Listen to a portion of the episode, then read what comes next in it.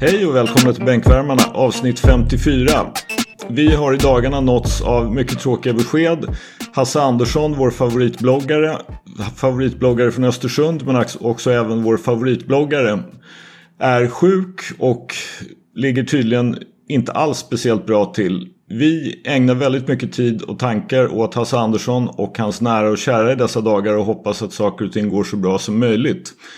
Eh, kämpa Hasse i allt vi har att säga om det här. Kärlek också, stor kärlek.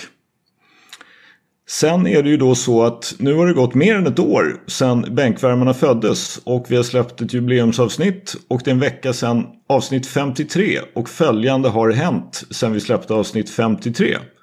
LeBron tycker att den som kom upp med Play-In Tournament borde få sparken. LeBron har sagt att han förmodligen inte kommer att bli 100% healthy again under sin karriär. Ganska illavarslande. Nässjö har slagit ut Borås Basket i kvartsfinalen i SPL här. Luleå har vunnit SM-guldet för damer genom att skrälla och vända 0-2 mot Alvik. Och Jämtland har slagit ut Luleå. Och det här ska vi prata lite grann om under dagens avsnitt men vi ska faktiskt börja med att fråga Addis. Hur är det med dig? Eh, det är bra tack. Jag sitter här, vi pratade lite innan vi började avsnittet om Jimmer Fredette. Och eh, jag noterar att han gjorde ju 82 poäng i Kina då tidigare i år. I en och samma match alltså. Eh, men han har gjort över 50 och 40 och lite sådär 48. Så att ehm, jag kan uppdatera då eh, världen om att Jimmer Fredette går bra i Kina. Hashtag Kinakollen. Kinakollen. Det här, är ju, det här är ju mycket viktig information faktiskt. Att, att sprida Jimmer Fredette Gospel. Henrik ja, ja. Johansson, hur är det med dig? Det är bara bra. Eh, känns skönt att vara tillbaka efter att ha missat förra veckan. Precis, det är skönt att ha dig tillbaka också för den delen. Det ryktas att eh, solcellerna fungerar bra. Ja, de är på plats i alla fall. De, eh, de har inte riktigt kommit igång än. Det är ju, eh, om ni hör mig Vattenfall, skynda på för fan. Jag, jag, behöver en ny elmätare. Och när ni ändå håller på, sätt igång så att det blir lite mer sol både på oss och på Johanssons solceller. Stefan Jovanovic, hur är det med dig? Jag mår jättebra. Vet du hur taggad jag är på det här avsnittet eller? Jo, jag vet precis alltså. hur taggad du är. Du har, du har eh, låtit som ett, jag vet inte vad, ett, ett överspidat barn i en godisbutik. Det ska bli väldigt ah. roligt att höra vad du har att komma med idag. Ja, jag är så taggad och det, framförallt så är det fantastiskt kul att Henrik Johansson är tillbaka. För det, jag tror att det är första gången jag har varit med i ett avsnitt när han inte har varit med. Eller åtminstone första gången. Jag, jag, tror det. Jag, vet, jag, jag är inte hundra procent säker. Men det känns som det. Och jag kände det verkligen hela förra veckan. Det var en saknad som bara bubblade ja. inom mig. Och nu är du här. Nu är du här kärlek. och är bitter igen. Ja, fantastiskt bitter. Över Vattenfall den här gången. Fan Vattenfall. Även om man missar en vecka så fortsätter man bara. Nick, hur är det med dig då? Jo men det är bra faktiskt, tack för att du undrar. Uh, många har frågat mig den senaste dagen, hur är det med dig liksom? Och, mm, efter att Nässjö hade slagit ut Borås. Och liksom, jag svarar alltid, det är lugnt alltså. Basket, det är inte ens kul. Alltså helt ärligt. Du har tio levande varelser som jagar en boll. Och så ska de ta den här bollen och stoppa in det i en korg. Kom igen, alltså det, det är så jävla löjligt koncept. Basket är inte ens roligt och ja. Det, det är bra, jag bryr inte om basket. Inget som händer på en basketplan kan nå mig. Så. Okej, okay. vi som har gjort 53 avsnitt med dig och säkert de som har lyssnat på 53 avsnitt med dig och oss eh, är lite tveksamma till om det här du, du säger att ingenting kan nå dig som händer på en basketplan verkligen är sant. Men, men vi kan återkomma till det. Vi, vi, vi, vi tar upp det lite senare igen då så får vi se hur det går med det där. Vi ska inleda dagens övningar. När vi spelar in det här är det 8-9 omgångar kvar lite beroende på vilket lag man frågar. Det är säkert någon, något stackars lag som till och med 10 omgångar kvar innan serien är slut och eh, innan det då är dags för slutspelet. Så vi tänkte återuppväcka gamla fina panik eller chilla. Jag har helt fräckt valt ut åtta lag, fyra från East, fyra från West som jag tycker man kan fundera över liksom hur står det egentligen till här? Och om vi börjar med East så säger jag Boston Celtics. Panik eller chilla? Panik.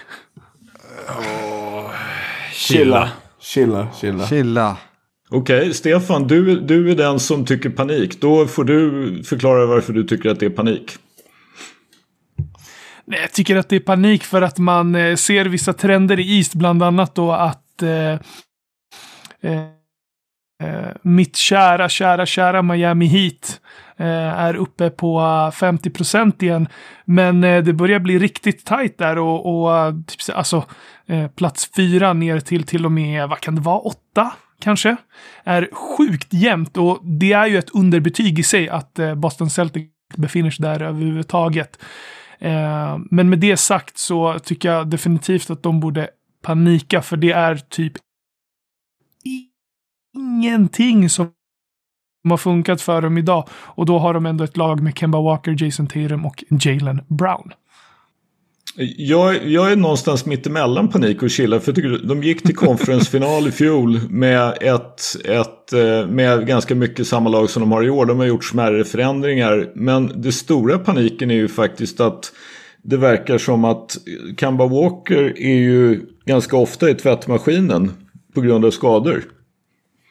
Och eh, han tjänar ganska mycket pengar för dem, inte bara den här säsongen utan om jag inte helt missminner mig de kommande två. Och vad gör de med honom? Liksom, det är ju där och hur, hur kommer de liksom vidare från ett par konferensfinaler med då Jalen Brown och Jason Tatum under de har varit 24 till där de är nu.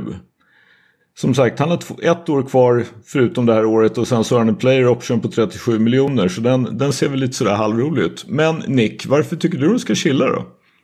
För att inget vi har sett nu på slutet har varit annorlunda jämfört med början av säsongen. Eh, de, har, eh, de har helt enkelt draftat fel de senaste åren och de har inte fått någonting tillbaka för Horford, Curry och eh, Hayward. Så de är i den situationen de är i av en anledning och ja, jag vet inte vad jag ska säga mer. Det är, det är ett lag som lever och dör med att Jason Tatum och Brown spelar riktigt jävla bra. Men! Evan Fournier är här och frälser Boston Celtics. Och lyfter dem hela vägen till titeln. Nej jag skojar. Nej men eh, som sagt. Jag tycker bara inte att något nytt har hänt.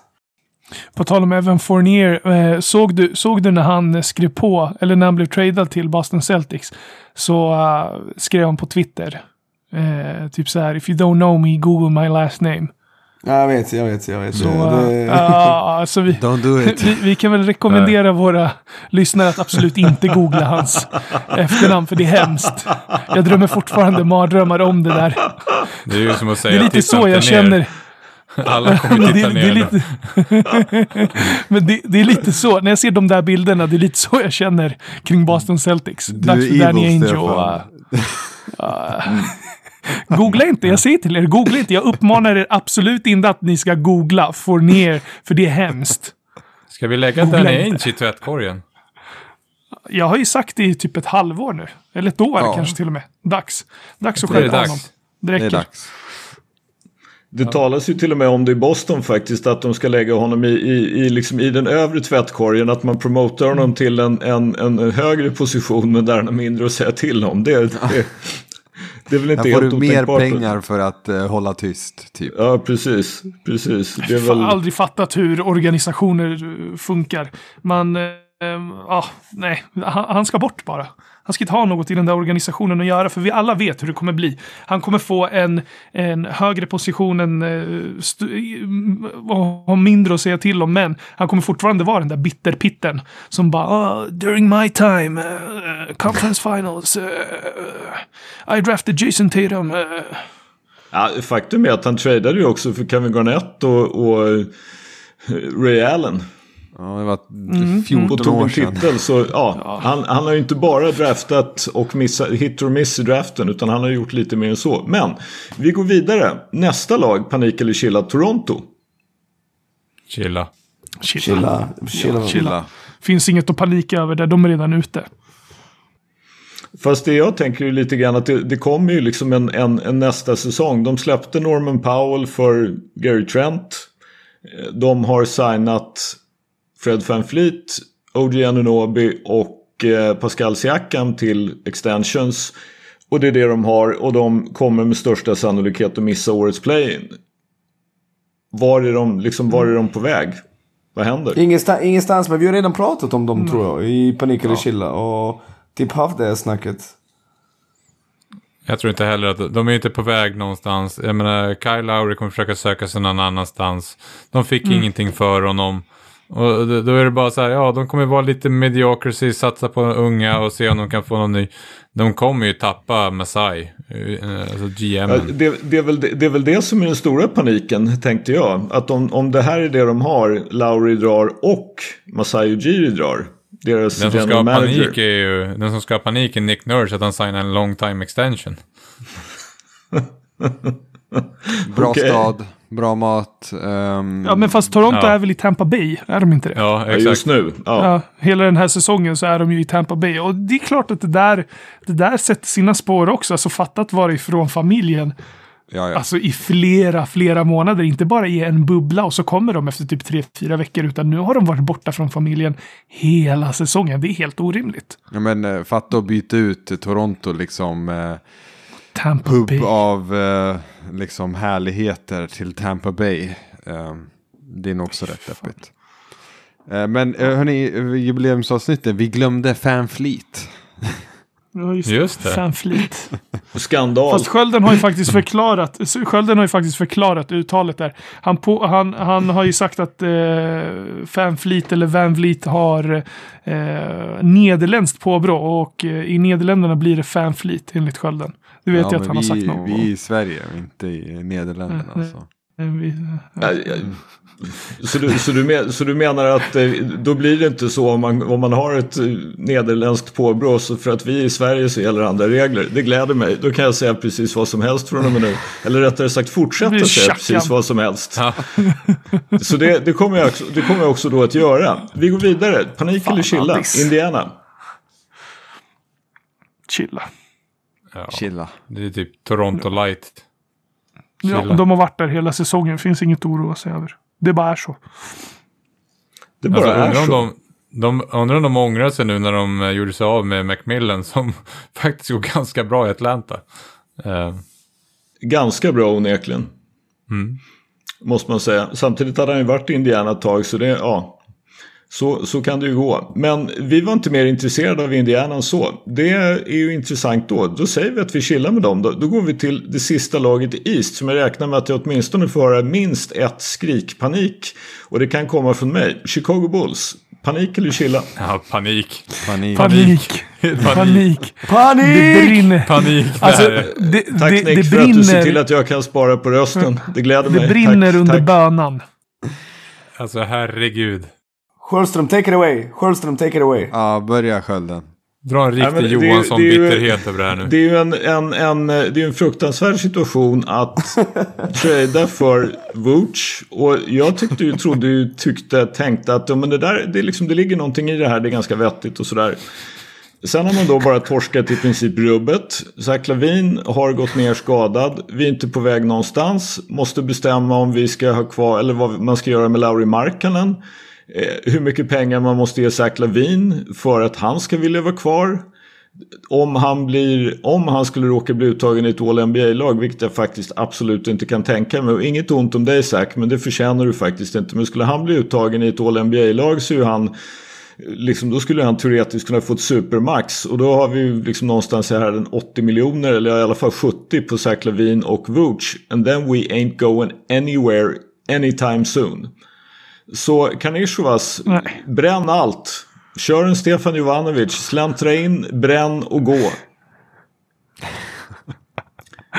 Ja, det var ju det här jag befarade för något avsnitt sedan när jag sa att de, de känns lite sådär halvberusade på att de eventuellt ska komma till play-in och så bara blir det pannkaka. Å andra sidan så argumenterade du för dem som en titelutmanare för ett halvår sedan. Så det är ju...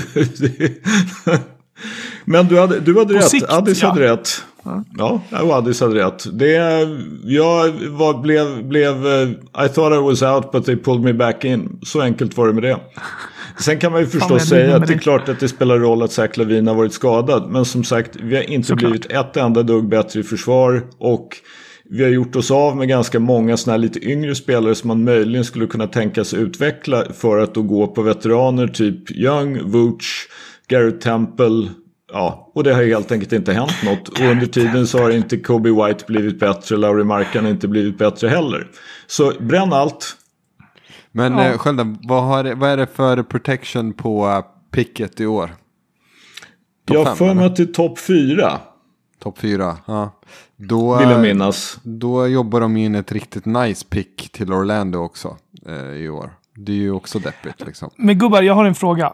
Jag har en fråga, eller snarare en uppmaning. Det är många av typ mina bekanta eh, som har messat mig när vi har snackat protection och sånt där. Kan inte ni bara redogöra lite snabbt för vad det innebär med protections? Ja, men I princip är det så här att om du, så om du då tradar, byter en pick, ett val, alltså ett draftval mot en spelare så kan du då lägga till då vad man kallar för en protection. Att, säg då att om det nu är då som jag minns att eh, och det stämmer också det så jag var tvungen att kolla upp det. Eftersom vi måste fact-checka allt sen några avsnitt tillbaka då Stefan Jovanovic stötte en kniv i ryggen på oss för att vi litade på honom. Eh, så Bulls har ju då tradat, bytt ett draftval med Orlando Magic, eller två draftval till och med för att få Nikola Vucevic. Och då är den här, i 2021 års draft så är den top 4 protect, protected.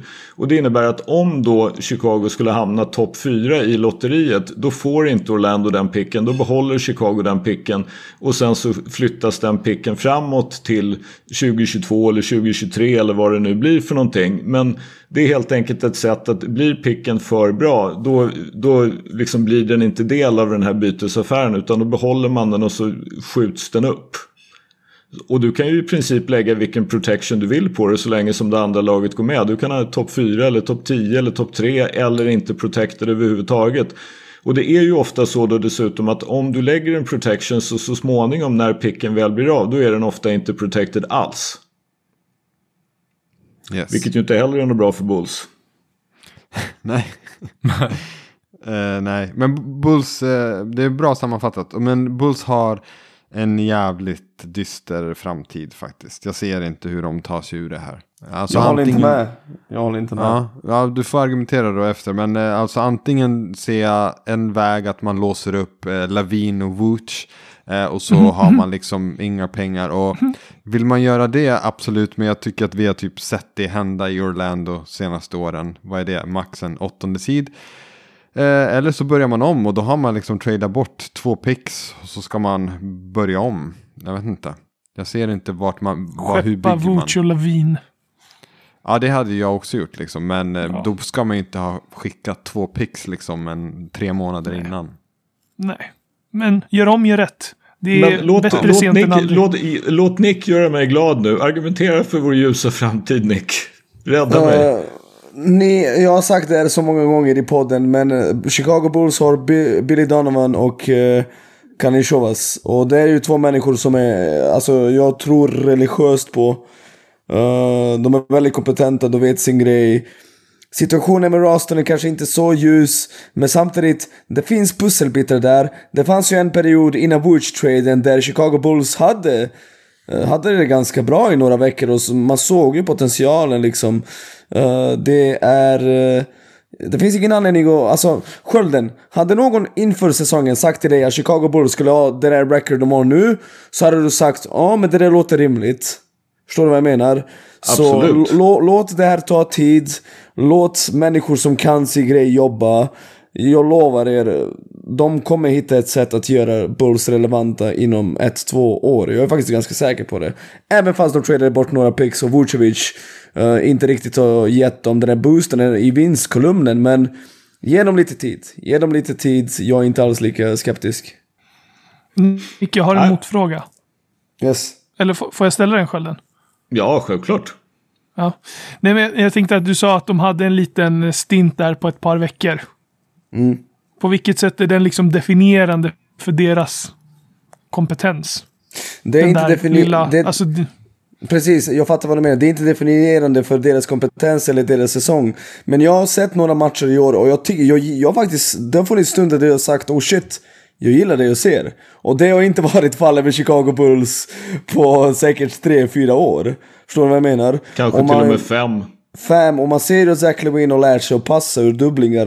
han är ingen jättepassare men jag ser spelare, det enda jag inte riktigt förstår är vad fan har hänt med Kobe White? Har han glömt hur eh, han ska spela basket? Eller vad, vad händer där Skölder? Jag tycker att han har rasat. Ja, men, ja, det, det, håller jag med om och det är ju förstås ett problem. Eh, lite, lite svårt att förklara exakt vad som har hänt faktiskt. Men han kommer ju in dessutom som en skytt. Han skjuter bedrövligt exakt. för tillfället ja, och har gjort ganska alltså. länge.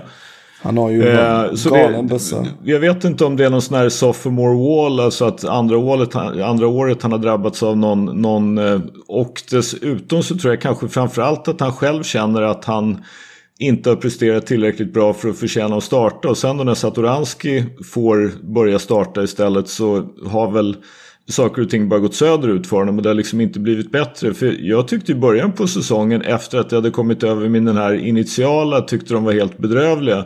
Då de faktiskt i alla fall var okej. Så tyckte jag att Kobe White och Zach Levine hittade en del och jag tyckte jag såg en del positiva grejer från, från Kobe. Men det är på något sätt som att när han inte får i skotten så har han tappat en hel del av det andra. Som, som liksom, då har han inte utvecklat det överhuvudtaget utan han har blivit sämre på det också. Vi vet ju att killen har galen bössa, alltså han har ju det. Så det är säkert en blandning av att eh, liksom han är inne i en slamp och att självförtroendet inte är där. Men alltså han kan ju skjuta som fan. Absolut. Ja. Vi går till West. Vi, vi går till West. Eh, om vi säger så här då, att vi säger Dallas Mavericks, panik eller chilla? Va? De ska ju ha en parad för fan med tanke på hur bra de spelade nu jämfört med början av säsongen. Chilla. Chilla. Chilla. Okej, eh, jag tänkte bara det att de, de är ju faktiskt också involverade i det här. Eh, Johansson kan ju fortfarande få rätt där. Vad var det du sa? Att de skulle missa slutspel eller? Ja. Ja. Men det är, inte, det är ju inte så nära. Är det, Nej, det, de spelar bra på slutet. Ja, men det, är ju, alltså, det beror ju på hur man ser det. Vi har ju enats om att du måste faktiskt få spela kvartsfinal. Du måste ta dig förbi play-in tournament för att räknas som att du är för att, att du har gått till slutspel. Att komma tia räknas inte. Då har du inte gått till slutspel. Det har du inte gjort förrän du gått vidare. Och i dagsläget är då Mavericks 36-28 på femte plats. Lakers är 36-28 på sjätte. Trailblazers är sjunde på 36-28. Så jag måste ju säga att de kan ju definitivt hamna i, i play-in. Och de hade ju en jävla taskig förlust i natt mot vem det nu var som jag lyckats glömma bort. Precis. Torska mot Sacramento som inte hade Darren Fox och inte hade Harrison Barnes. Låt vara då att Dallas inte hade Kristaps Porzingis. Som vi från och med nu efter att Addis har benämnt honom till det kommer vi förmodligen att kalla honom för Pingis.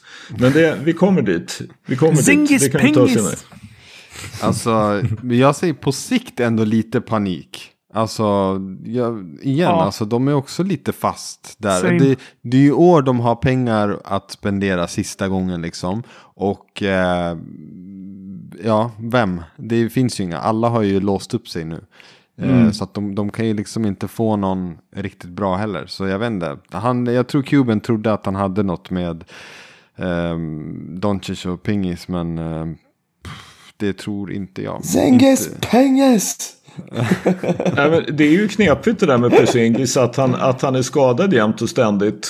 Alltså att han, är man 7-3, det vill säga vad, vad är det nu då, 2-18, 2-19 och är skadad en gång i veckan innan han har fyllt 26 eller vad det är. Det är inte så jättebra om man tittar historiskt. Det, det brukar inte bli bra då när man är så pass stor och är så pass skadad så pass tidigt. Nej, och bort han, honom. han och Doncic har ju typ så här beefat lite också. Eh, Det har ju rapporterats om det att typ, ja men det är antagligen så att Porzingis är lite less att spela med Doncic för att Doncic har bollen. Han är ju en asmycket, grinig liksom. jävel också. Det vet Ja. vi ju. Ja, Han är småsint och grinig. Så att, eh, ja, jag vet inte. Cuban eh, körde, ja, gick all in på Porzingis. Jag tror inte det var rätt. Jag vet inte, jag, jag är inte Vadå, så vadå, vadå, vad har jag missat? För sist jag hörde Cuban säga något om de två, då var det så här, ja men eh, Dirk Nowitzki och Steve Nash gillade inte heller varandra jättemycket när de började lira. Ja. Det gick ju i alla fall tydligt över och ganska fort dessutom har jag förstått det hela rätt. Ja, men vadå, vad, vad, sa, vad sa Cuban om eh, Zingis Pingis? Nej, men han sa typ att... Eh, jag vet, han svarade nog på rapporter om det. Liksom. Eller så erkände ja, han. Jag minns inte exakt, men han erkände att de har haft sina duster. Liksom. De kommer inte superbra Ja. överens. Liksom.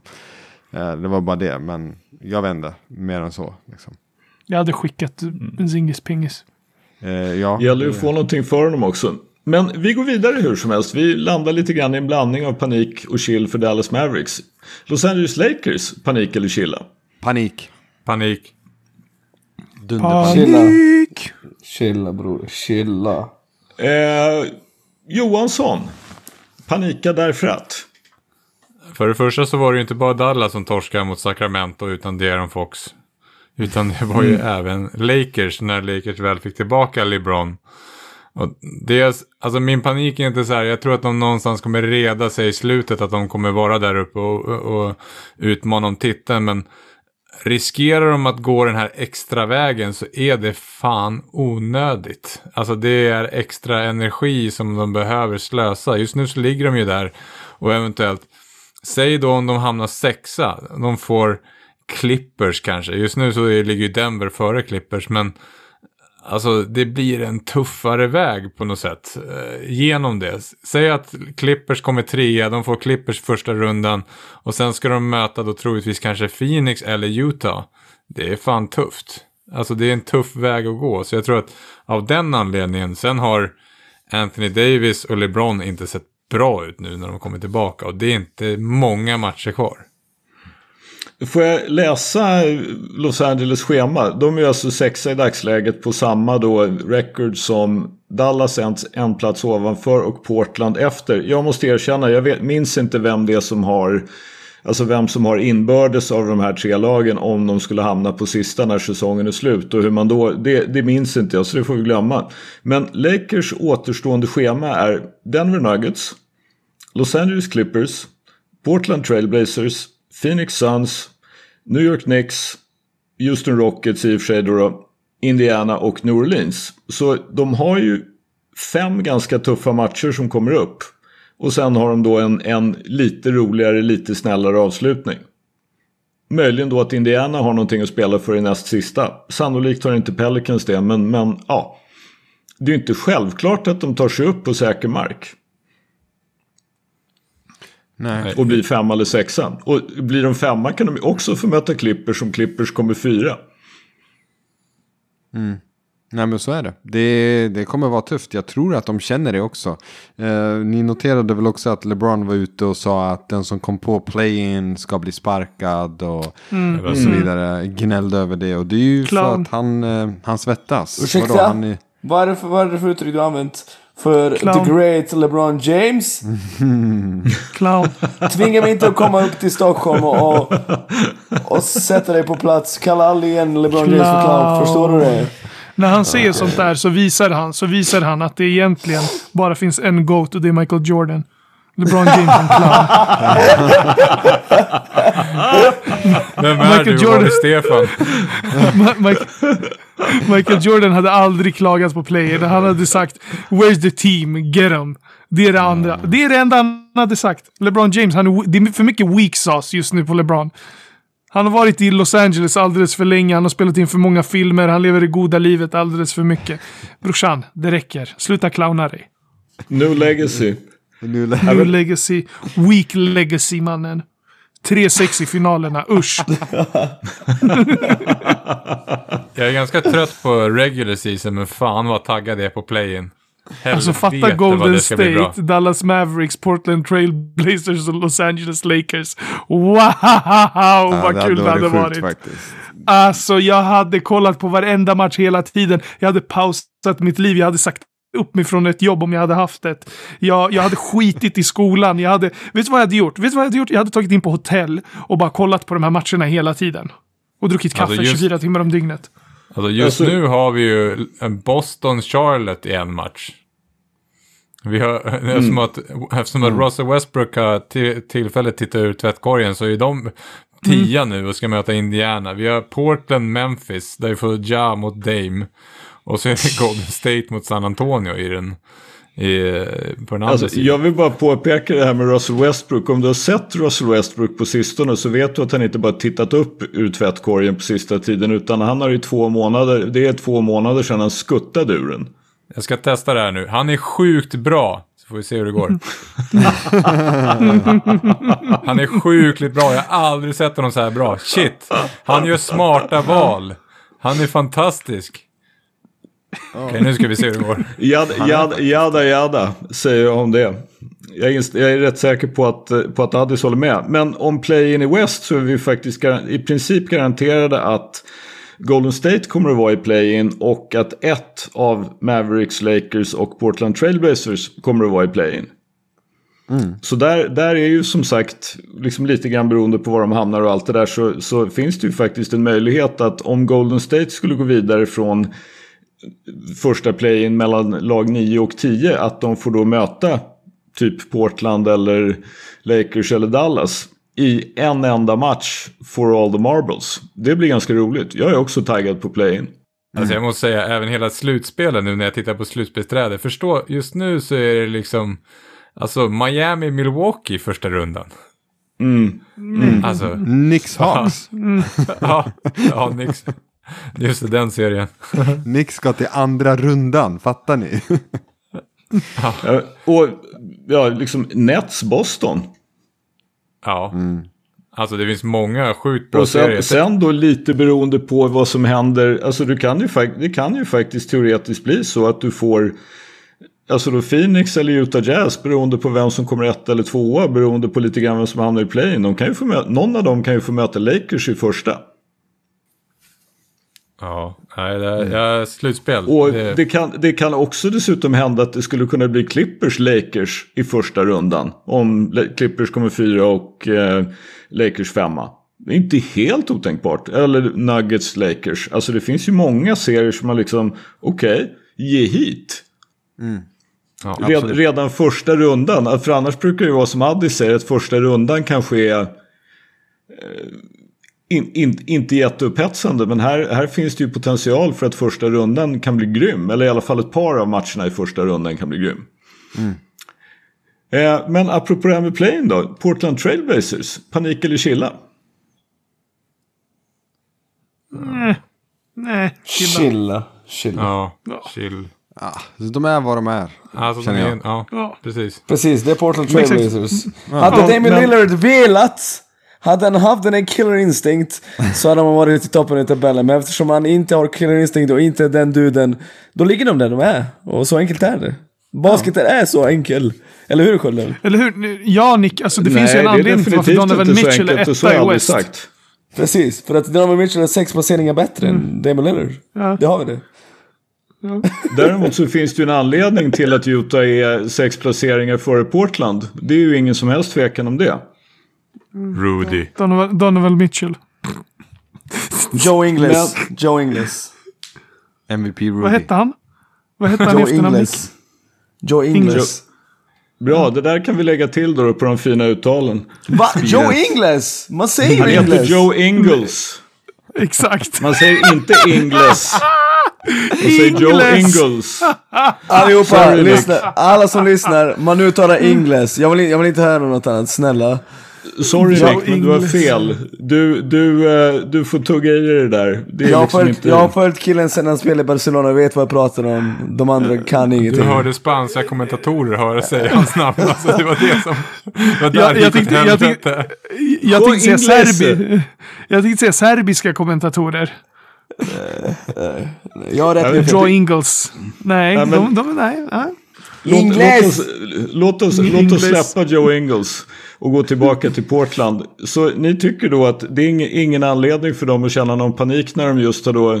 De gav ju iväg ett par picks och vad det numera var för att få Robert Covington. De gav 20 miljoner till Derek Jones Jr på två år. Eh, de har tagit sig an Norman Powell som är unrestricted free agent och som de har tradat Gary Trent för. De har 29 år CJ McCollum och 30-årige Dame Lillard och de har Nurkic som ju typ är skadad jämt och samt och de har Enes Kanter som är fantastisk på offensiva returer men ser värre ut än Vuc i plus minus kolumnen. Ja, det är ju därför. liksom, Ja. ja. men jag menar, på, något, på något sätt så är det så här om man, om man ser det så. Ja, men, vi, kan, vi kan ju diskutera det här till döddagar om, om det är bra eller dåligt eller om det är hit eller dit. Men liksom, jag skulle ju känna lite panik om jag var Portland när man känner att antingen gör vi ingenting eller så är det ungefär det här vi är. Vi är ett lag som kan slåss om sjunde åttonde sidan i West. Eller så måste vi riva upp allting. Och vad gör vi då? Ja, men Liksom, det här är lite som... Portland trada Dame? Alltså problemet är, det här är lite ungefär som när Stefan träffar en, faktiskt en snygg tjej och råkar tro att han har flyttat upp en klass. Det är ju liksom den här conference finals de tog en gång. Det fick Vänta, dem vänta, vänta, de vänta, vänta, hold on, hold on, hold on, vänta, vänta, vänta, va? va? Time out! Time out! Time out, vänta, vänta. När Stefan, vänta, vänta, vänta, vänta, vänta, vänta. När, när Stefan råkar dejta en snygg tjej, sa du precis det? Hörde jag rätt? Ja, jag, jag råkade säga det. Ha, har du sett mitt track record eller? Har du sett mitt track record? Alltså, det jag, får, Jag, jag ska visa i gruppchatten, jag ska visa i gruppchatten vem det är jag har dejtat. Och sen, och sen så sätter vi en punkt för den diskussionen, den liknelsen. Fortsätt Johansson. Lite, Fort, fort, lite fortsätt, känsligt. Lite Fortsätt känsligt. Johansson. Nej, jag hörde bara, nej, put some respect on my name, det är allt jag säger. Put some respect on my name. Jag må vara lite halvplufsig, men I got my ways, förstår ni vad jag menar? Alltså, Johansson, Eller cool kan ladies bli- love cool Stefan, fattar du vad jag menar mannen? Alltså du caught me off guard Johansson med den där. Jag bara, Fortsätt, fortsätt.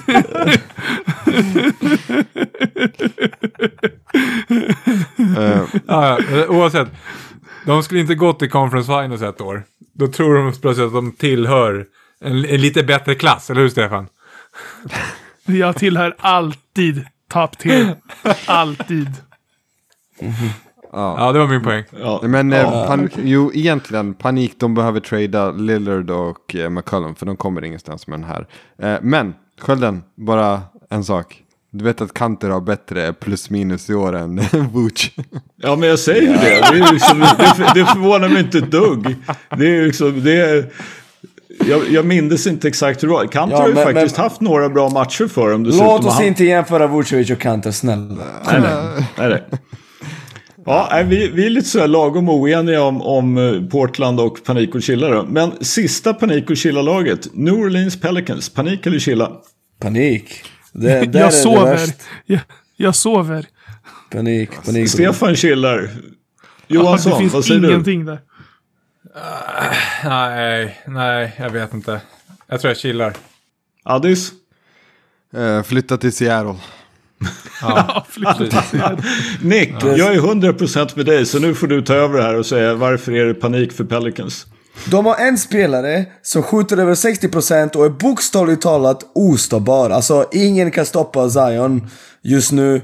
Och de vinner inte matcher. så, uh, det är inget bra lagbygge. Konstigt lagbygge. Brandon Ingram tror att på riktigt att han är Kevin Durant. Uh, vilket inte är bra om du har Zion i laget.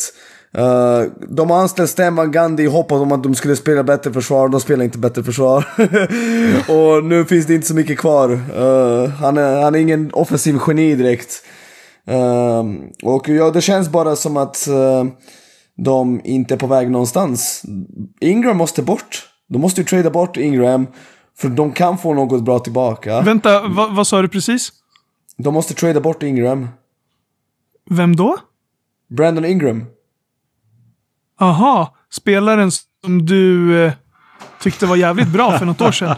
Eller för, för något år sedan, för nej, något nej, jag, jag, nej, nej, jag har aldrig, jag har aldrig gillat Vänta, Brandon Ingram. va? Jag har aldrig vänta, gillat Brandon? Ingram. Jag, jag har sagt att jag Vänta, skulle...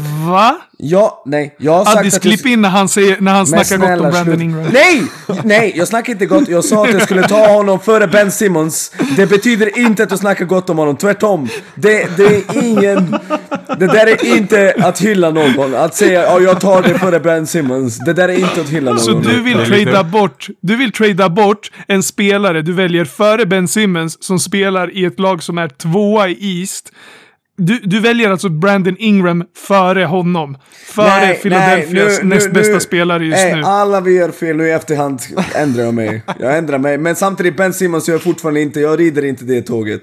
Hur som helst, New Orleans, Okej, New Orleans så, du, Pelicans... så du ändrar dig, så du väljer, du väljer Ben Simmons framför Brandon ja, Ingram? ja, är det det du säger? skulle, Ja, jag skulle göra det. Ja, ja. Okej, tack. Men knappt, Dub, men knappt. dub. Men Ja, men knappt, Åh, knappt. herregud. Jag ser ju inte bara det som du ser Nick med det här med lagbygge och Brandon Ingram och allt det där. De har ju också så att de måste ta ställning till Lonzo Ball. Hans, eh, hans kontrakt går ju ut nu. Eller rättare sagt, han är uppe för en förlängning. Hans har, han har spelat fyra år. Skulle kunna fått en förlängning som alla de här som Jason Tatum och Bam Adebayo. Eh, Aaron Fox, Donovan Mitchell fick. Men han fick ju inte det för han ville inte ta det han blev erbjuden. Han tyckte att det var för lite. Så nu har ju då är ju han restricted free agent. Så antingen så släpper New Orleans bara honom eller så ger de honom ett qualifying offer på 14 miljoner. Och då blir han unrestricted free agent efter det. Eller så ger någon ett så kallat offer sheet. Det vill säga erbjuder honom ett kontrakt som New Orleans har rätt att matcha. Sen sitter de då tack vare smarta manövrar i the front office. Och ja, jag är djupt ironisk nu. Det är inte curse bankvärmarna har de ju gett Steven Adams och Eric Bledsoe 35 miljoner och 36 miljoner om året i två år till. Och Ja. Zion är uppe för en extension och att Zion ska ha en extension är, är ju liksom det är inte så mycket att diskutera. Han kommer att få ett max. Så mycket, så mycket jag pengar har han en kan fråga få. Mm. på det där.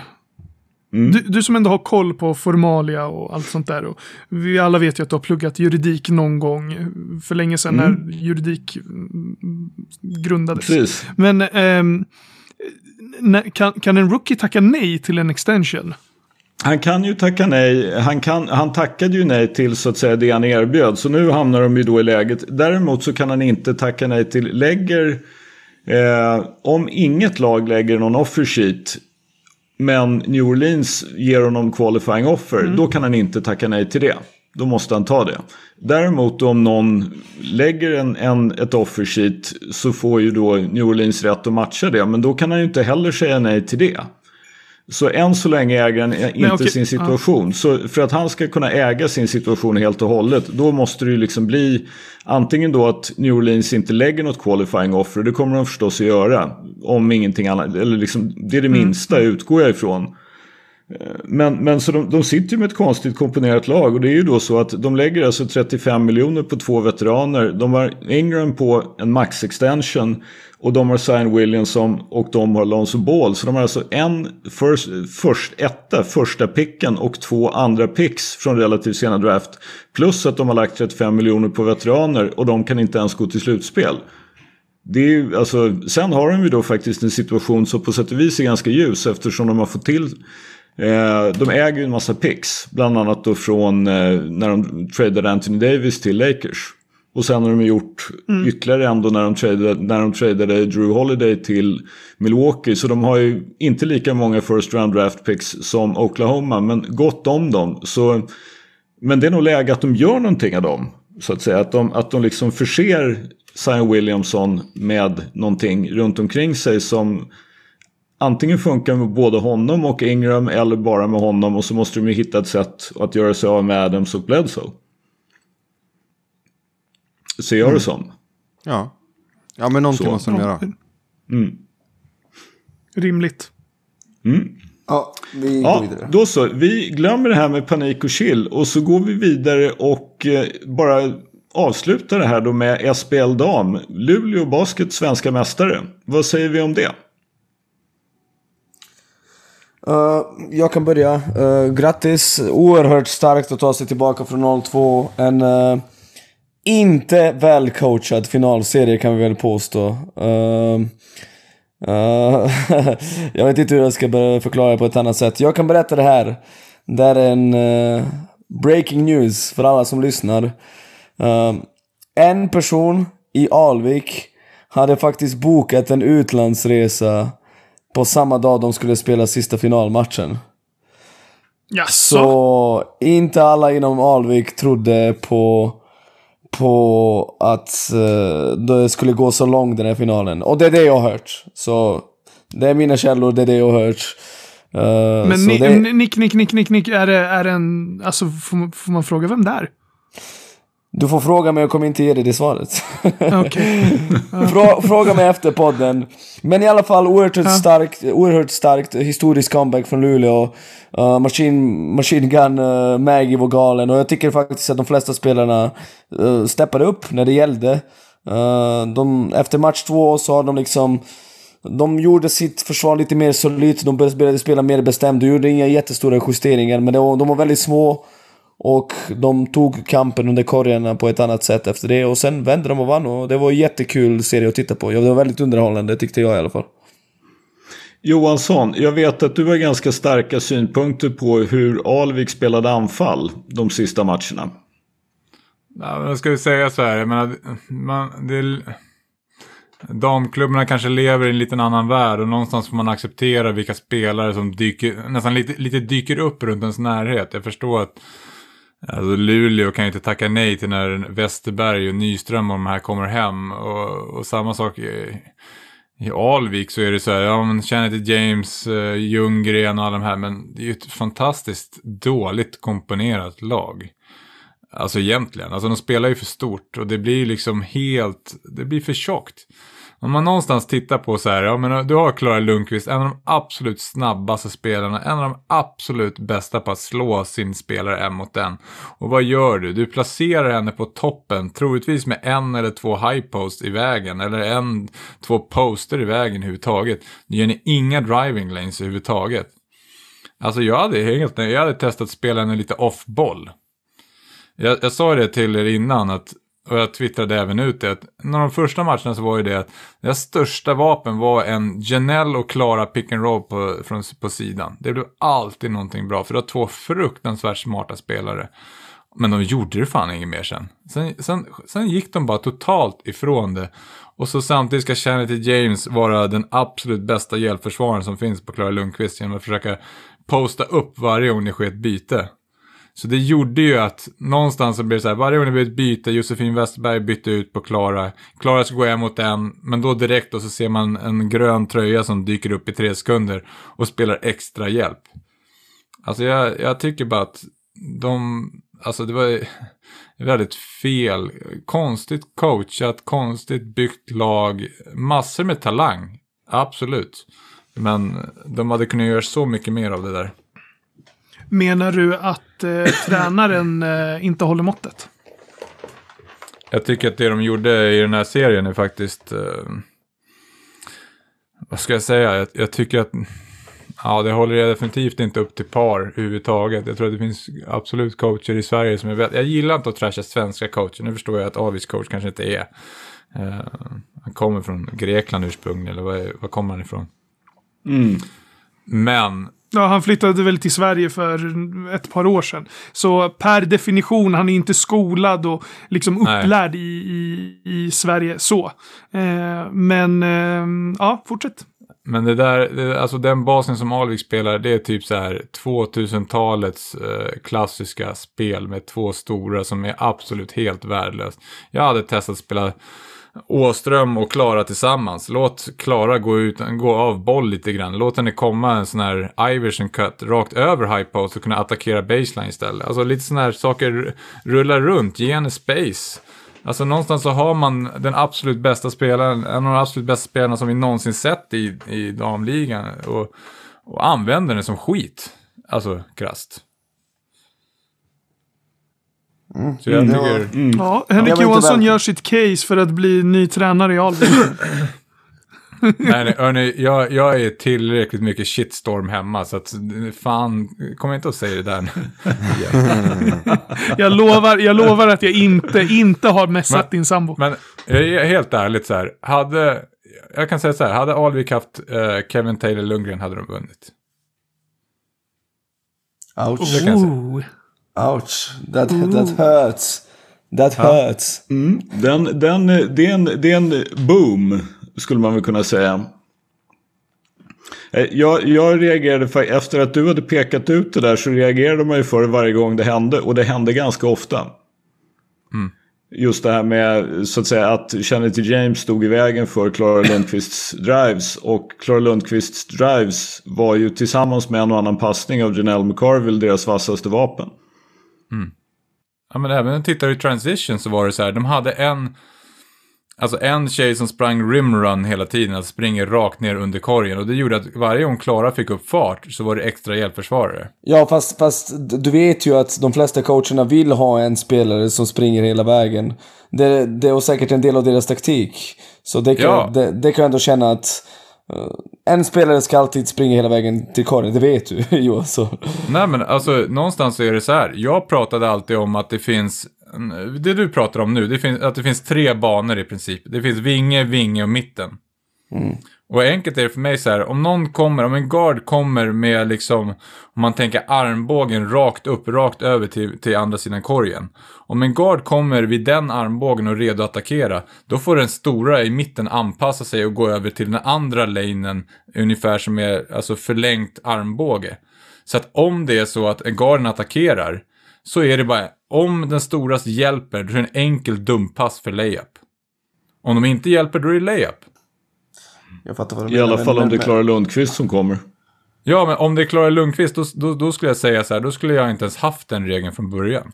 Jag har haft många coacher, kanske nästan alla, som säger att en spelare, spelar ingen roll vem det är, spring, ofta center såklart, spring hela vägen till korgen. För det upp, öppnar upp kontringen helt. Men hur som helst, det var inte bra coachat.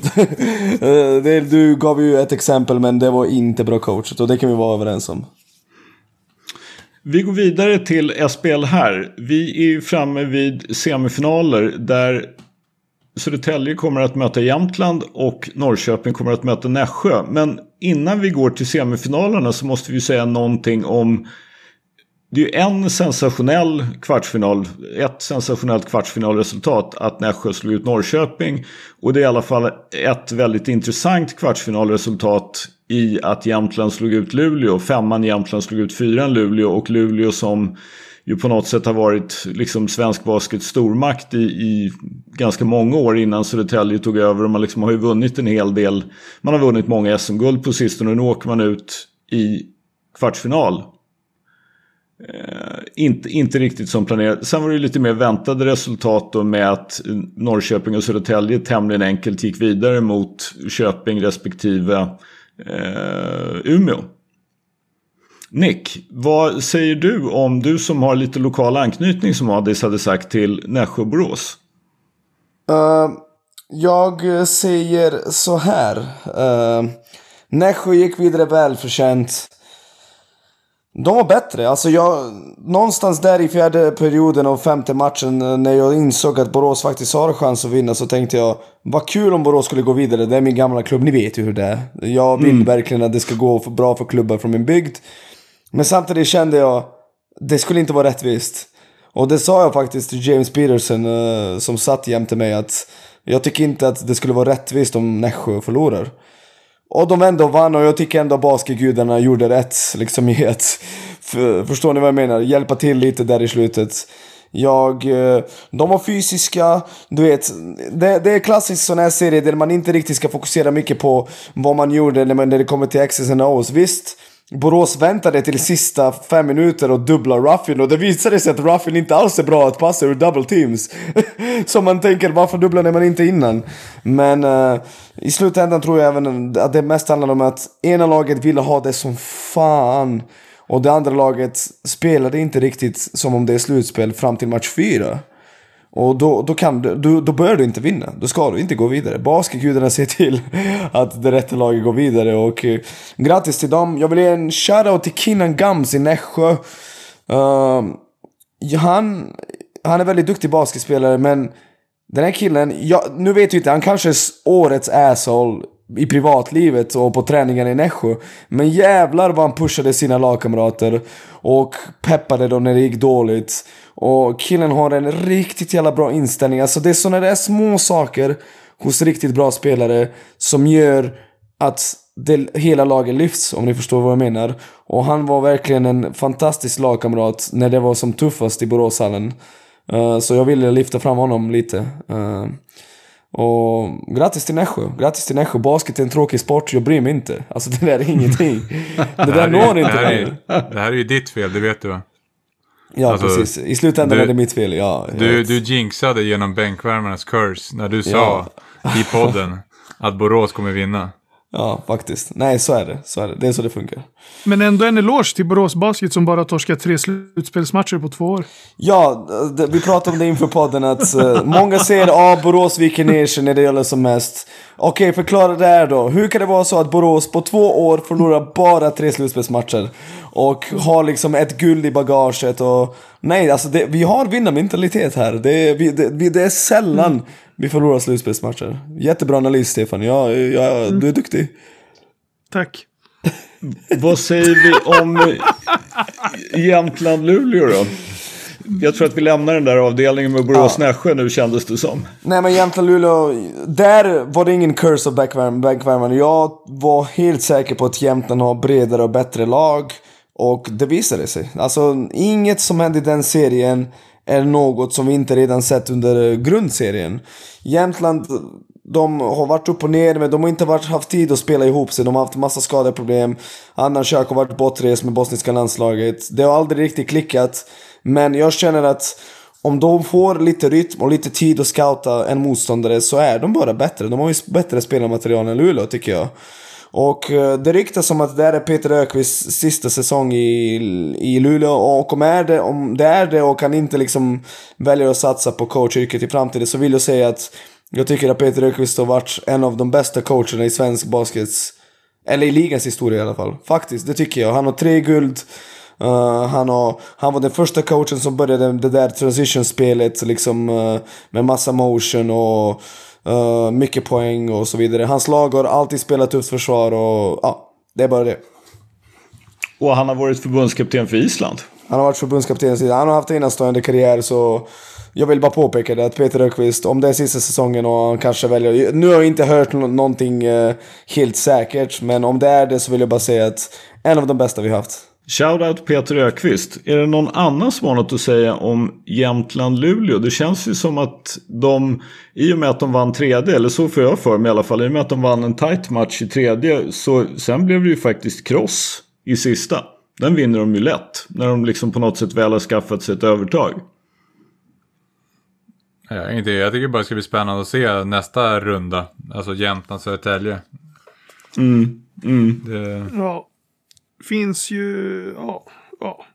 Skönt att Luleå är ute. Nu slipper vi höra något där uppifrån. Vad tror du då Nick?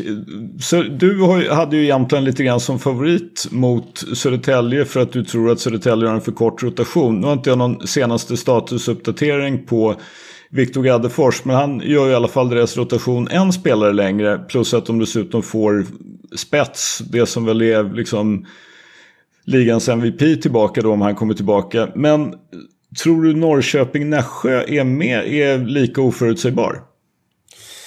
Jag tror att Norrköping-Nässjö, alltså man måste ju välja Norrköping. Eh, jag tror att eh, det är en urladdning för Nässjö. De... Eh, David, Sjök, Hö, David Höök skadade sin fot i match 4.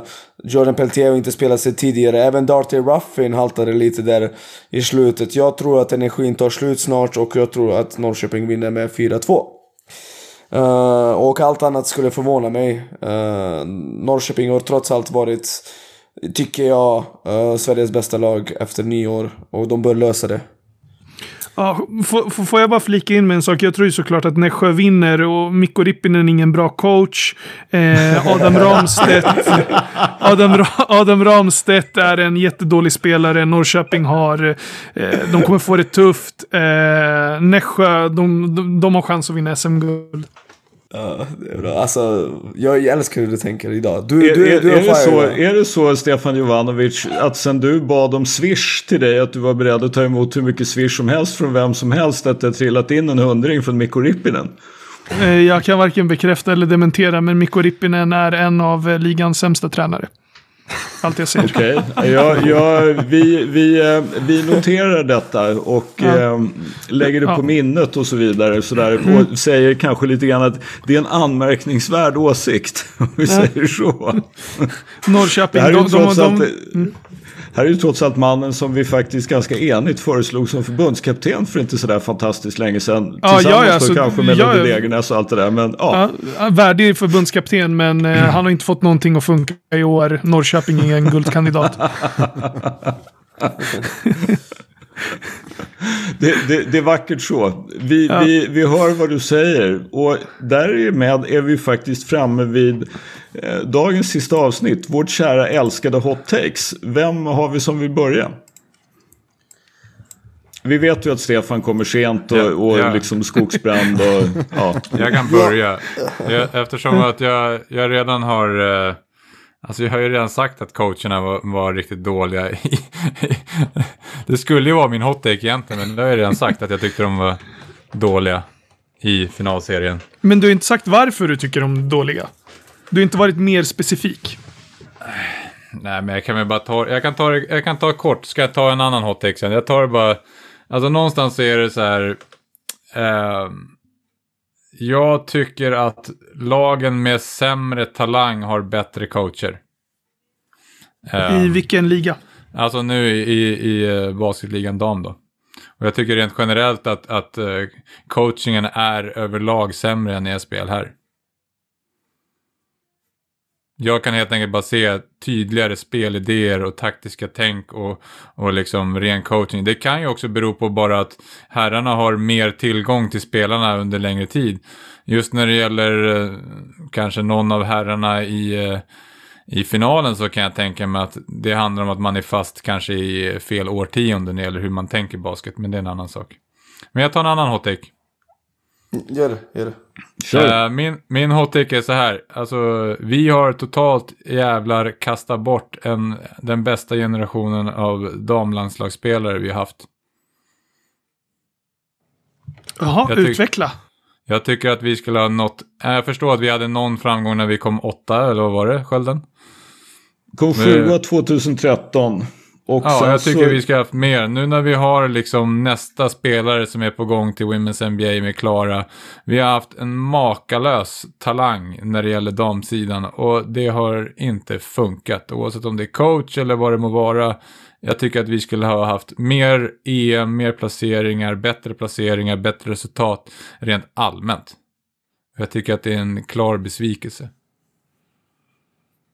Vad tror du att det har berott på då? Ja, jag vet inte. Man hör ju en del om att det har varit kass kemi och, och så vidare, men vi får se. Jag, jag vet inte riktigt. Det är svårt att säga när man är utanför laget. Jag tycker bara, när vi har så pass många som spelar på sån fruktansvärd hög nivå, alltså talangen på damsidan är ju enorm. Alltså när vi tittar vilka som spelar i Women's NBA, vilka som spelar i Euroleague och så vidare och så vidare, så tycker jag att vi som damlandslag ska kunna prestera bättre än det vi har gjort det, det var ju Sverige kom ju då, som jag vill minnas, eller vi kom ju sjua 2013. Sen gick det ju risigt EM 2015. Sen missade vi väl 2017 helt och hållet va Nick, om jag inte alldeles missminner mig.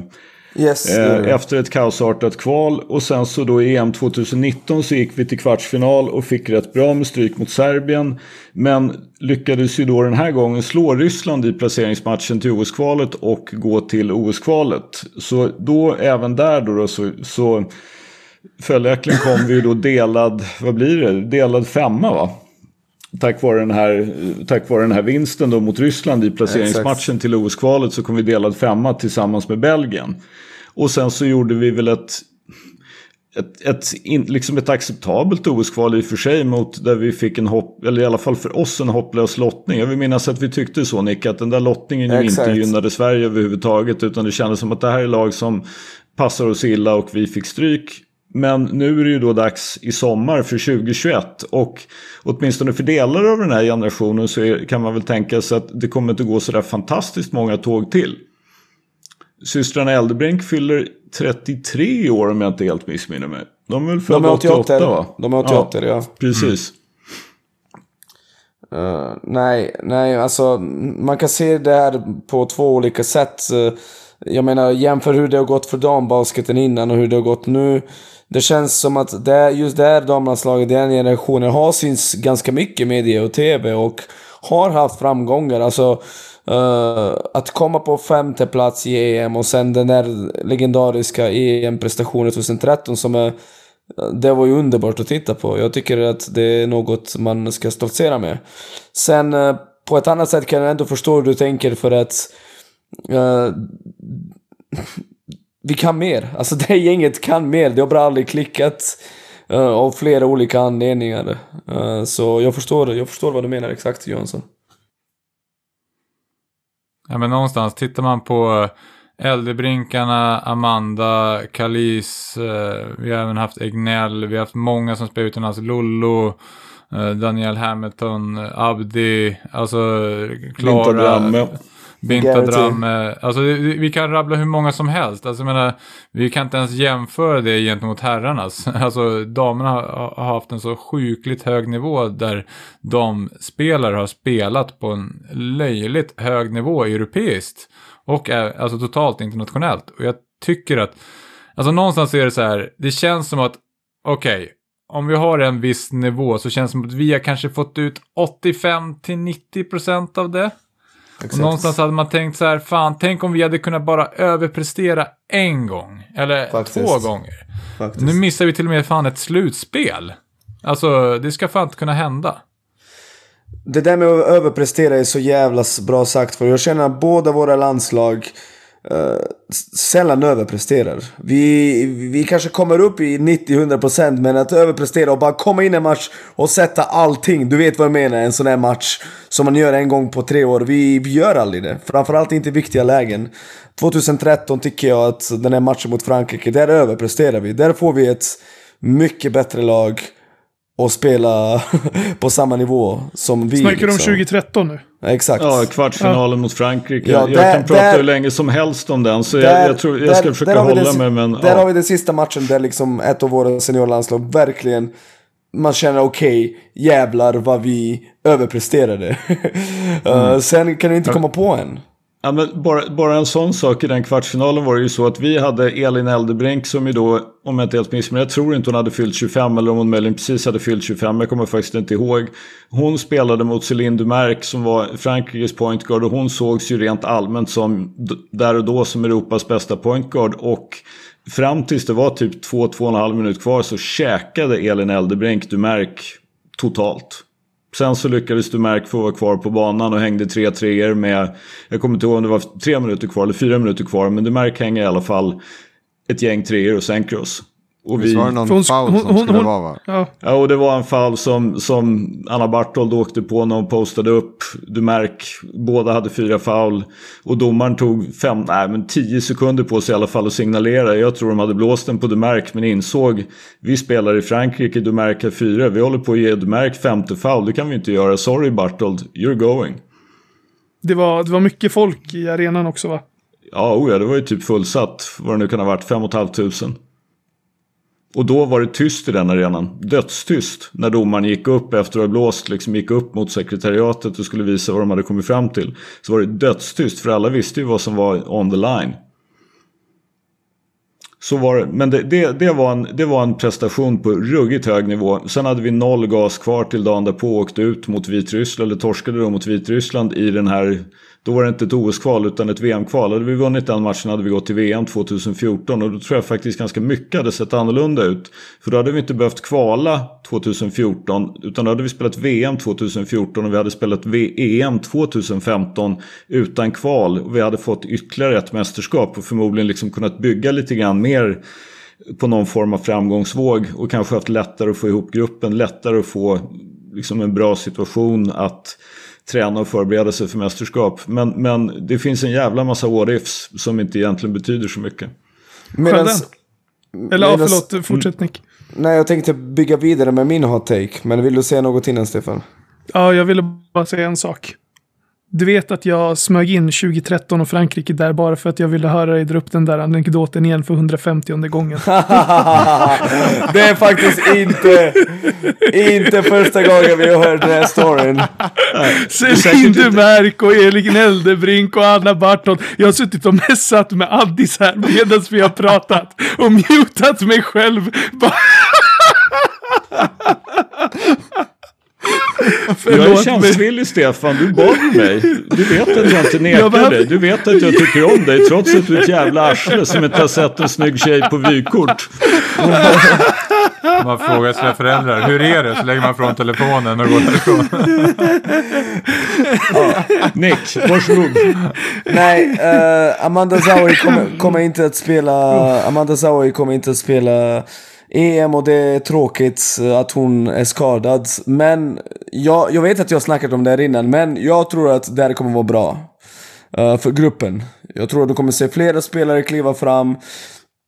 Du kommer se stämningen vara väldigt bra. Du kommer se spelare som Klara Lundqvist blomma ut och göra sin klart bästa turnering i landslaget. Och that's about it. Jag lämnar det där. Jag tror att uh, det kommer bli bra ändå. Alla ni som lyssnar, får inte panik. Uh, jag har faktiskt aldrig tyckt att Amanda Zawi lyft den här generationen. Sen kan hon göra bra matcher och hon är uh, enastående förebild utanför planen och så vidare. Jag pratar inte om det. Jag säger bara det kommer bli bra. Jag tror att vi kommer se ett landslag som presterar väldigt bra. Men Nick, jag har en följdfråga. Yes. Tror du att eh, Amanda Zawi på något sätt har liksom så här skälpt det, det svenska landslaget? Eftersom förväntningarna har varit så enorma på henne. Och så har hon egentligen aldrig presterat på den nivån som man kanske vill att hon, som ändå är vår enskilt största stjärna, gör. Hon har försökt, alltså hon har ju, man ser ju att hon spelar med mycket energi, glädje och stolthet när hon är på planen. Det är, det är inte det vi ifrågasätter här, eller det är inte det jag ifrågasätter. Men ja, hon kom ju som frälsaren den där första kvalmatchen mot Spanien 2015 eller 2016. Hon och Faria kom ju från Women NBA och allt skulle bli bra och så förlorar man med 20 poäng Eh, i SVT liksom, i en SVT-sänd match. Och jag känner aldrig att man har lyft sen dess. Visst, femteplatsen i EM var bra. Men jag tycker inte att hon har eh, gett landslaget en helt ny dimension. Så på samma sätt som du vet när Jonas Repko spelar en match mot Turkiet, då märker du, okej, okay, den bästa spelaren är där. Alltså det syns jävligt tydligt vem som är bäst, det är inget snack om saken. Och den här snubben gör sitt lag mycket bättre. Vi har inte fått, alltså Amanda Zahui har inte den effekten på det här landslaget. Tyvärr. Och eh, vi tackar Bill Simmons för eh, hans tid här i podden. Jag hörde dig Nick, jag hörde dig. Stämningen. Du har sett något. Du har sett dem eh, liksom sitta där. Eh, body language det, doctor. Ja, body language. Du har sett liksom så här, ah, hon high-fivar inte på timeouten. Jag, jag ser Jag kan det där. Jag kan det du där. kan det där. Yes, yes. Hon viftar handduken mot sols istället för med sols. det är de här små detaljerna. Det är de här små detaljerna som, som avgör, grabbar. Mm. Men jag måste ändå ställa frågan Nick. Jag tog fram 18, eh, de 18 spelare som är uttagna i EM-truppen just nu. Den ska ju krympa då antar jag till 12 spelare som vanligt. Och när vi då inte har Amanda Saui så ser jag då så att säga av liksom stora spelare med rutin, alltså typ centrar, så är det då Lolo Halvarsson och Reagan McGarity och ja, liksom Paulina Hersler har varit med lite grann. Det räcker. Det, rä det, räcker. Det räcker. Vi har mm. år efter år efter år spelat med två stora spelare där inne och det har verkligen dödat vår spacing. Uh, mm. Jag kommer ihåg den här kvalmatchen vi hade mot Italien. Det var ju det som var min nästa fråga. Är det här blessing in disguise? Är det det du egentligen försöker säga? Att nu kanske ja, men, vi kommer ja, att spela med så. en center? Jag kommer ihåg när vi mötte Italien i kvalet 2018 tror jag på bortaplan. Då spelade Halvarsson och Zawi tillsammans hela andra halvleken. Eh, eh, utan att de byttes ut liksom. Och det, det, hjälper ju inte om du ska sprida ut det. Jag tror att det blir bra med Reagan som gör en fantastisk säsong i Frankrike. Hon startar, Lulu kommer in och avlastar henne och ett helt annat hot utifrån. Uh, och jag tror det kommer bli bra. Återigen, jag tror det blir bra. Nothing to worry about. Ni kommer se bra prestationer. Jag säger inte att de går och vinner guld. Jag säger att det kommer bli bra. Okej. Okay. Eh, Addis, du hade väl ingen hot take idag va? Eh, nej, det har jag faktiskt inte. Så det, det, det, är lika bra att jag tar två ljumma så vi verkligen märker en, en, en temperaturskillnad när det kommer upp. Men först så tänker jag då, eftersom Stefan är så rolig att han häcklar mig, så ska jag rikta den här mot dig, Stefan. Oh. Du skrattade ut mig här för inte så länge sedan när du sa att Chris Paul kanske kan få två gånger två år och 15 om han tackar nej till 45 miljoner. Så matte är ju uppenbarligen inte din starka sida eftersom du fick för att han möjligen skulle kunna göra det. Men jag ska bara läsa upp lite siffror här nu från Chris Paul. Så är det ju då så här att det här är hans siffror. 19 poäng, 9,8 assist, 4,7 returer. Shooting splits 47, 37 och 87. Det är hans siffror för hans karriär per 36 minuter. Chris Pauls siffror i år för 36 minuter. 18,5 poäng, 10 assist, 5,2 returer. Shooting splits 49, 38 och 93. Jag säger det här och nu Stefan, straight in your fucking face. Han får minst 3 år och 90 miljoner om han väljer att opta ut från kontraktet han har kvar som är värt 44 med Phoenix. Han fyller 36 den 6 maj. Han får det. 3 år och 90 miljoner. Minst. Ja, kul, kul för Chris Paul. Eller hur? Visst är det? Ja, jätteroligt. Han, han får jättegärna swisha mig lite pengar om han vill. Jag, jag, tror att du är den sista han kommer att swisha pengar. Om jag, om jag ska vara helt ja. ärlig. Alltså om, om han får tre år 90 miljoner då... Uh, fan, vad ska man lägga i för kicker nu då? Om han får tre år 90 miljoner. Då, uh, då byter jag namn på Twitter till uh, Chris Paul. I en månad. Det gläder mig. Vi, vi ska hålla dig till det. Vi ska hålla dig till dig. Ja. Min andra hot take rör en spelare, den är, lite, den är då lite ful för den är ju lite elak då mot Nick som ju tyckte att eh, eh Milwaukee var jättedumma som gav Drew Holiday en extension på vad var det, 160 miljoner ungefär för fyra år va? Ungefär 40 miljoner om året. Jag var en av dem tillsammans med Addy som tyckte att det var alldeles självklart att de skulle göra det. Och när man har sett lite grann av Drew Holiday i år så måste jag ju säga särskilt när man såg då Bucks Nets så var ju det faktiskt eh, oerhört, precis därför de gav det till honom. Han betyder någonting för dem i anfall och framförallt betyder han någonting för dem i försvar. Jag har inte sett Kyrie Irving ha sådana problem mot någon som han hade mot Drew Holiday. Och jag kommer inte på någon utom möjligen Marcus Smart som skulle ha en chans att huvudsakligen försvara mot Kyrie Irving och sen så klara av att byta till Kevin Durant på en pick and roll. Drew Holiday är någon, faktiskt någonting som kan vara en enorm skillnad trots då Bud Henrik Johansson för Milwaukee Bucks i årets slutspel. Han är värd varenda öre av de där 160. Håller med. Till 100%. Fan vad han eh, bidrar med någonting som de, eller som Bledsoe framförallt och inte gjorde. Mm.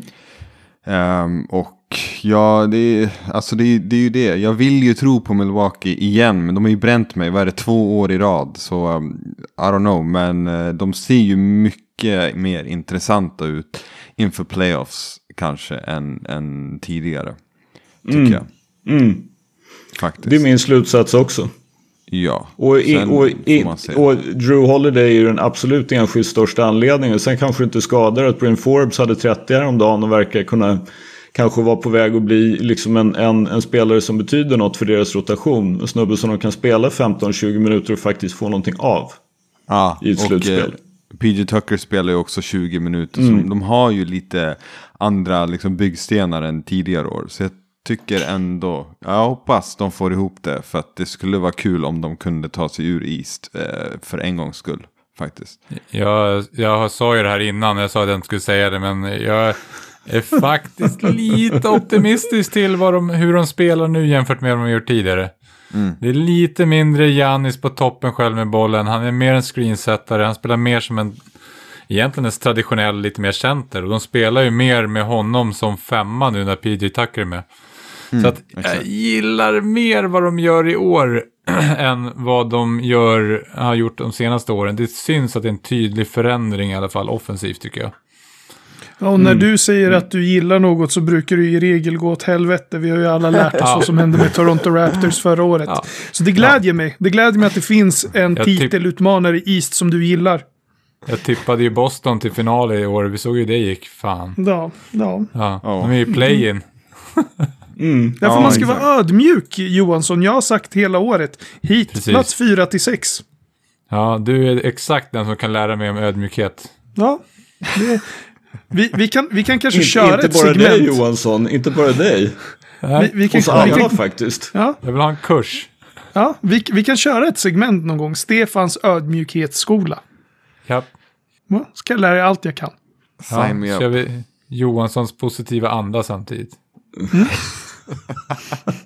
Sköldens, Sköldens uttalsskola och eh, Addis, jag vet inte. Fan, Addis. Addis fan, ja, nej, Eh, nej, fast du trollar ju. Det är det. Addis, Aha, nej. det. Du, du är ju snäll liksom. Addis är nog den mest sympatiska av oss alla, skulle jag säga. Vi gör en omröstning, jag ska. Ja. Eh, nej men, Vi lägger upp den på Insta. Ja. Milwaukee Bucks, fy fan vad tråkigt. Drew Holiday, tråkigt. Tråkigt, tråkigt, tråkigt.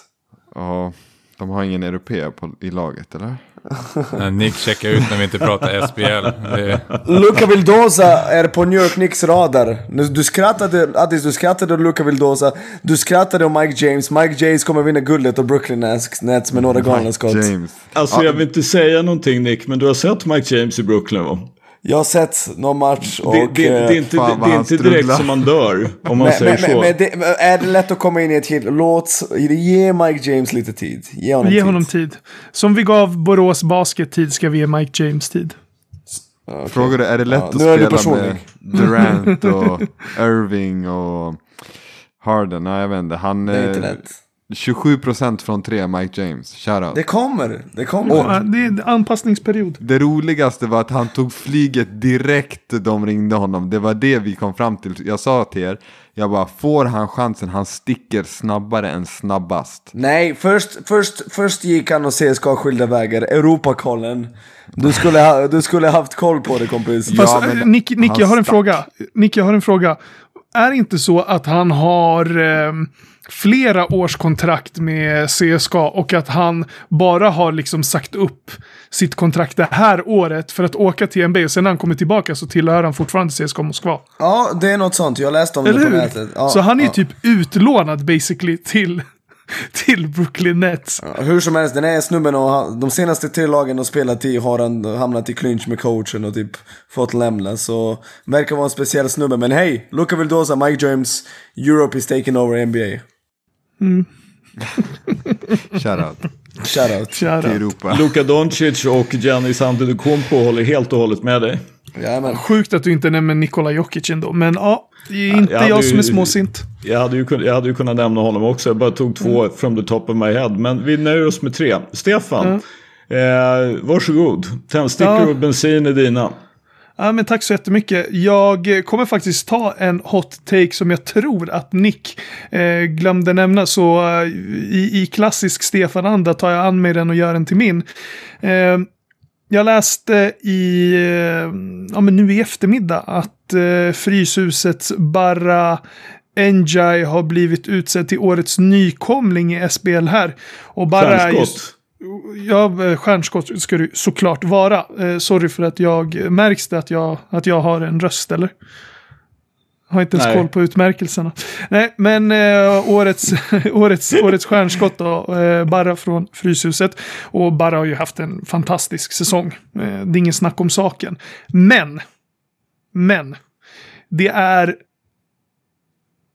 jag vet inte vilket ord jag ska använda för att vara snäll för att beskriva det här, men det är otroligt att David Höök inte blir utsedd till årets stjärnskott.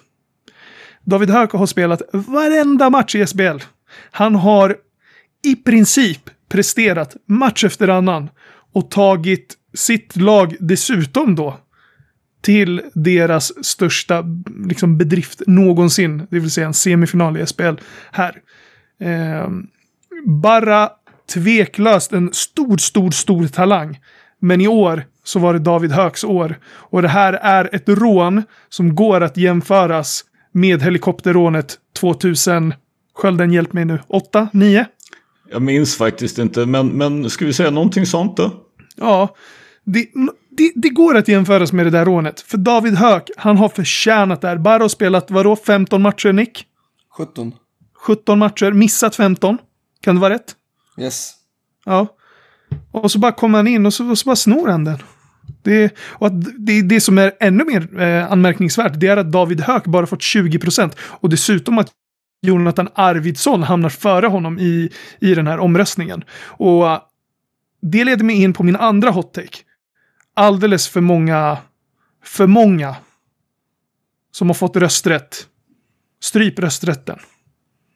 Begränsa den. Det är för många oinitierade människor som, som röstar. För uppenbarligen, om inte David Höök får årets stjärnskott, då, då, det här är ju ett skämt. Vad mer ska en spelare behöva göra för att bli utsedd till årets stjärnskott? Uh, ingen allmän rösträtt här, Stefan. Ingen Nej. allmän rösträtt här. Nej men eh, jag håller helt med dig, det vet du. Och jag har redan hunnit Ja. skriva ett inlägg om det. Och, men vill ni veta vad det sjukaste är? Jag fick reda under, under den här inspelningen och fått reda på att fansens 25%, alltså i år är det, får fans bestämma för första gången. De, deras marginal mellan Njai och Höök var betydligt mycket mindre än vad spelare, coacher och media har röstat. Förstår ni vad jag menar? Så det är inte de som har gjort det. Det är media, coacher och spelare som har gjort det här. Och jag tycker helt ärligt att det där är så jävla dåligt och nästan lite pinsamt. För visst, okej, jag kan nästan köpa att han inte vinner, men då får det fan i mig vara tight. Han fick 20% av rösterna! Och han har varit överlägset bästa rookie, alltså jag, jag vet inte vad jag ska säga. Jag som har sett alla de här matcherna, jag vet vad han betyder för Nässjö. Ni såg ju igår vad han betyder. Han, han var ju liksom skadad och trycker putback-dunkar och ger laget energi. Och Spelar försvarar motsvar... Ja, förlåt. Exakt. Nu, Får, ja. får, får klassen som är 45% trepoängsskit och skjuter en av nio på tre. Alltså, vad behöver den här mannen göra? Vad vill ni att han ska göra för att han ska bli årets stjärnskott? Det är pinsamt. Jag tycker det är pinsamt. Sen tror jag att de andra utmärkelserna inte alls kommer vara sådär uh, chock. eh, alltså resultatet inte kommer vara alls sådär chockerande. Men att han får 20% det där är ju bara wow. Men jag tappade hakan när jag såg det. För Mm. det där tyder på att folk helt enkelt inte pallar se matcherna. Nej, Eller de så, så är kollar highlights bara. Eller, eller, men, men, men det är det som är grejen. Njai vinner ju nästan på stats och highlights. Förstår du vad jag menar? Mm. Han, han, han pumpar upp sina stats för det inte fanns någon annan liksom att bära Exakt. anfallet. De vinner inte en enda match med whatever, han kör sin grej. Och han är jätte, alltså talangfull kille, inget snack om Ja, saken. det är ingen tvekan. Han- Det, alltså, det, det är inte det vi säger. Vi säger Exakt. fortfarande att Barra är en av de mest framstående unga spelarna i SBL. Exakt. Men Han, är kanske bara- till och med har högst potential av alla. Vad vet vi? Men Exakt. i år så är det, det här är David Hööks år. Mm. Det, det är ingen snack om saken. Ja, du vet i de här, en av de här Oceans Eleven-filmerna när de inser att det de ser på kameran är inte ett rån som pågår under liksom eh, just nu utan att det är någon som har spelat in det tidigare. Det, det är den reaktionen jag fick. Det är ett rån Stefan, du har rätt. Och det är ett väldigt, mm, ja, det är bara tråkigt för David Höök. Jag tycker verkligen att han förtjänar det. Ja.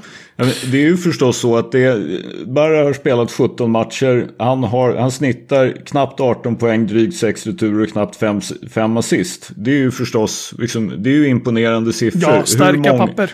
Hur, hur många spelare har gjort det i SPL och han är 20 bast? Och då som sagt, det som ju är problemet är ju förstås att han har spelat i ett lag som inte har vunnit. De har väl inte vunnit någon match alls va Nick? Men, eh, en match, men då var han inte med. Så då, det, varje, de har gång han har, precis, de- varje gång de har äntrat planen har de, med honom i laget har de förlorat.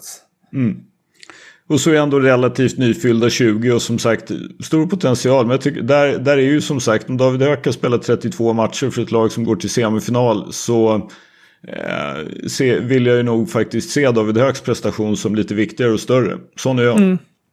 Speciellt med tanke på att han försvarar Utan att vilja ta någonting motståndarlaget. ifrån. Ja, nej, men absolut. Ja. Utan att vilja ta någonting ifrån Barra. Det är inte, Ja, det, det, är inte det vi säger. Nej. Det är, ja. Stefan och, och Skölden, ni har sett David Höök live. Alltså det är, Ja. Han är ju stor, Alltså jag har varit stark, på, atletisk. ja, Ja, jag har varit exakt. på David Höök-båten sen, sen hans, eh, jag tror att det var första eller andra år på Luleå BG. När, när Gnaget mötte honom i, eh, i eh, basketettan. Alltså det, det, det, jag, jag, jag älskar David Höök. Och sen att se honom utsättas, utsättas för det här på det här sättet. Alltså det, det är ont i hjärtat. Det är ont i hjärtat. Jag håller med. Fan. Han skulle fått... Du är, du är årets stjärnskott kompis. David Höök, Ja. du är årets stjärnskott. Och, exakt, David Höök är bänkens årets stjärnskott. Kan vi, Vi få en liten vi- fanfaradis?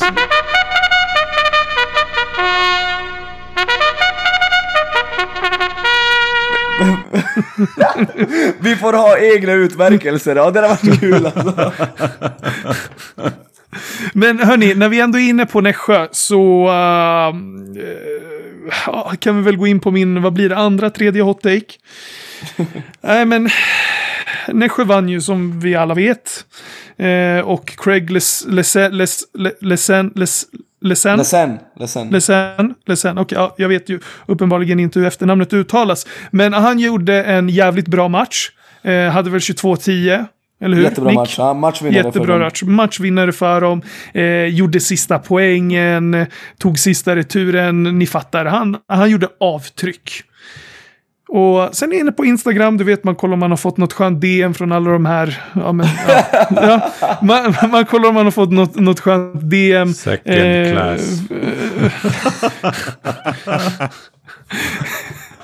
Ja, eh, men eh, och så ser jag så här, så får jag en notis om att, eh, om att jag har blivit taggad och så bara oh shit, jag är inne på bänkens Instagramkonto. Och, och, Och det är där spanar de, skö- för det är där de sköna DMen finns.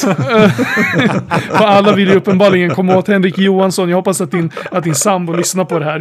Eh, nej men, så blir, blir, blir vi taggade på någon bild så går jag in och kollar. Då är det ju Craig Lesens agent. Erik Friman som har taggat oss på en bild om att han har gjort 22-10. Erik, snälla, jag bryr mig inte om att Craig Lesen har gjort 22-10. Han, jättebra spelare på den här nivån. Men äh, jag skiter i dina pikar. Det är ingenting att rapportera om, om att Craig Lesen har haft 22-10 i en avgörande kvartsfinal mot Borås. Ingen bryr sig. Ingen bryr sig. Det, det är en axelryckning. Det är verkligen en... Jaha. Okej, ja. Mm, kul. Lycka till. Craig, du är skitgrym. Lycka till. Men fan, ta tagga inte oss på några jävla bilder. Jag bryr mig inte. Jag tror inte någon annan här bryr sig heller. Straight facts homie, straight facts. Ja. Det, det är trött på alla de här små pikarna, du vet. Det var väl någon från JCK Agency eller vad de heter, Nick, som, Ja, som eh, pikade dig också. Det, det, jag bryr mig inte. Jag bryr mig inte. 22-10, nice, okej. Nej, Men, Ledsen, ja. Ledsen har visat sig att han är bättre än vad de flesta trodde, men eh, Mm. precis som du säger, hold your horses. Det, Ja, eh, det är en bra ligaspelare.